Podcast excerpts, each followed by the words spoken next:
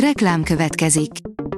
Ezt a műsort a Vodafone Podcast Pioneers sokszínű tartalmakat népszerűsítő programja támogatta, mely segít abban, hogy hosszabb távon és fenntarthatóan működjünk, és minél több emberhez érjenek el azon értékek, amikben hiszünk.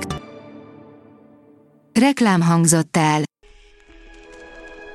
A top technológiai hírek lapszemléje következik. Alíz vagyok, a hírstart robot hangja. Ma szeptember 27-e, Adalbert névnapja van. A Player oldalon olvasható, hogy napra pontosan kiszámolták, mikor találhatja el a Földet egy aszteroida a legnagyobb valószínűséggel. A becsapódása a valaha megépített legnagyobb hatóerejű atomfegyver több mint 20-szorosával felérő robbanást eredményezne. A rakéta oldalon olvasható, hogy megfizethető áru csút kategóriás telefont mutatott be a Xiaomi. A Xiaomi 13T Pro 144 Hz képfrissítésű OLED kijelzővel, 120 wattos gyors töltéssel és 350 ezer forint alatti árcédulával igyekszik magához édesgetni azokat, akiknek nem opció, hogy félmillió forintot fizessenek ki egy olyan telefonért, amiben minden megtalálható, amit egy mai csútkészüléktől elvárhatnánk. A hernyókat zombivá változtató gomba, aminek kilója drágább, mint az aranyé, írja a Telex.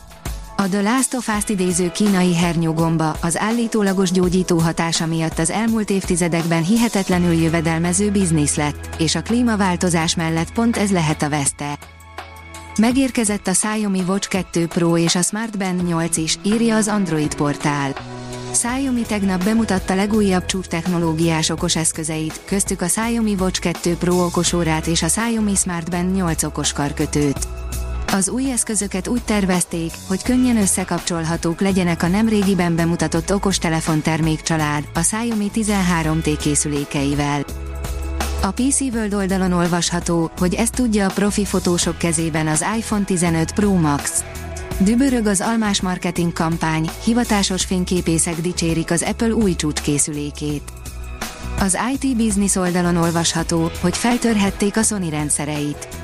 A Ransom.vc azt állította, hogy sikerült egy zsaroló programtámadást végrehajtaniuk a Sony globális szórakoztatóipari óriás céggel szemben.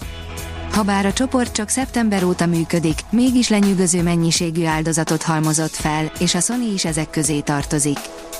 Majdnem minden az elektroszmog mérésről, írja a Minusos. A Nemzeti Média és Hírközlési Hatóság szerint a kiskereskedelemben kapható elektroszmog mérőeszközök nem feltétlenül megbízhatók. A hatóság összefoglalta a témával kapcsolatos legfontosabb tudnivalókat. A Bitport írja, jól megy a Palo Altónak, gyorsan vesz is két céget. A kaliforniai székhelyű vállalat visszanyúl a gyökereihez, két izraeli startupot szemelt ki, összesen 1 milliárd dollár értékben. A startlap vásárlás teszi fel a kérdést, megéri Amerikába utazni egy új iPhone-ért. Amerikában jóval alacsonyabb áron kínálják az iPhone 15-ös széria készülékeit, de nem biztos, hogy az adók miatt megéri kiutazni. A Digital Hungary oldalon olvasható, hogy megjött Joule, az SAP mesterséges intelligencia alapú asszisztense.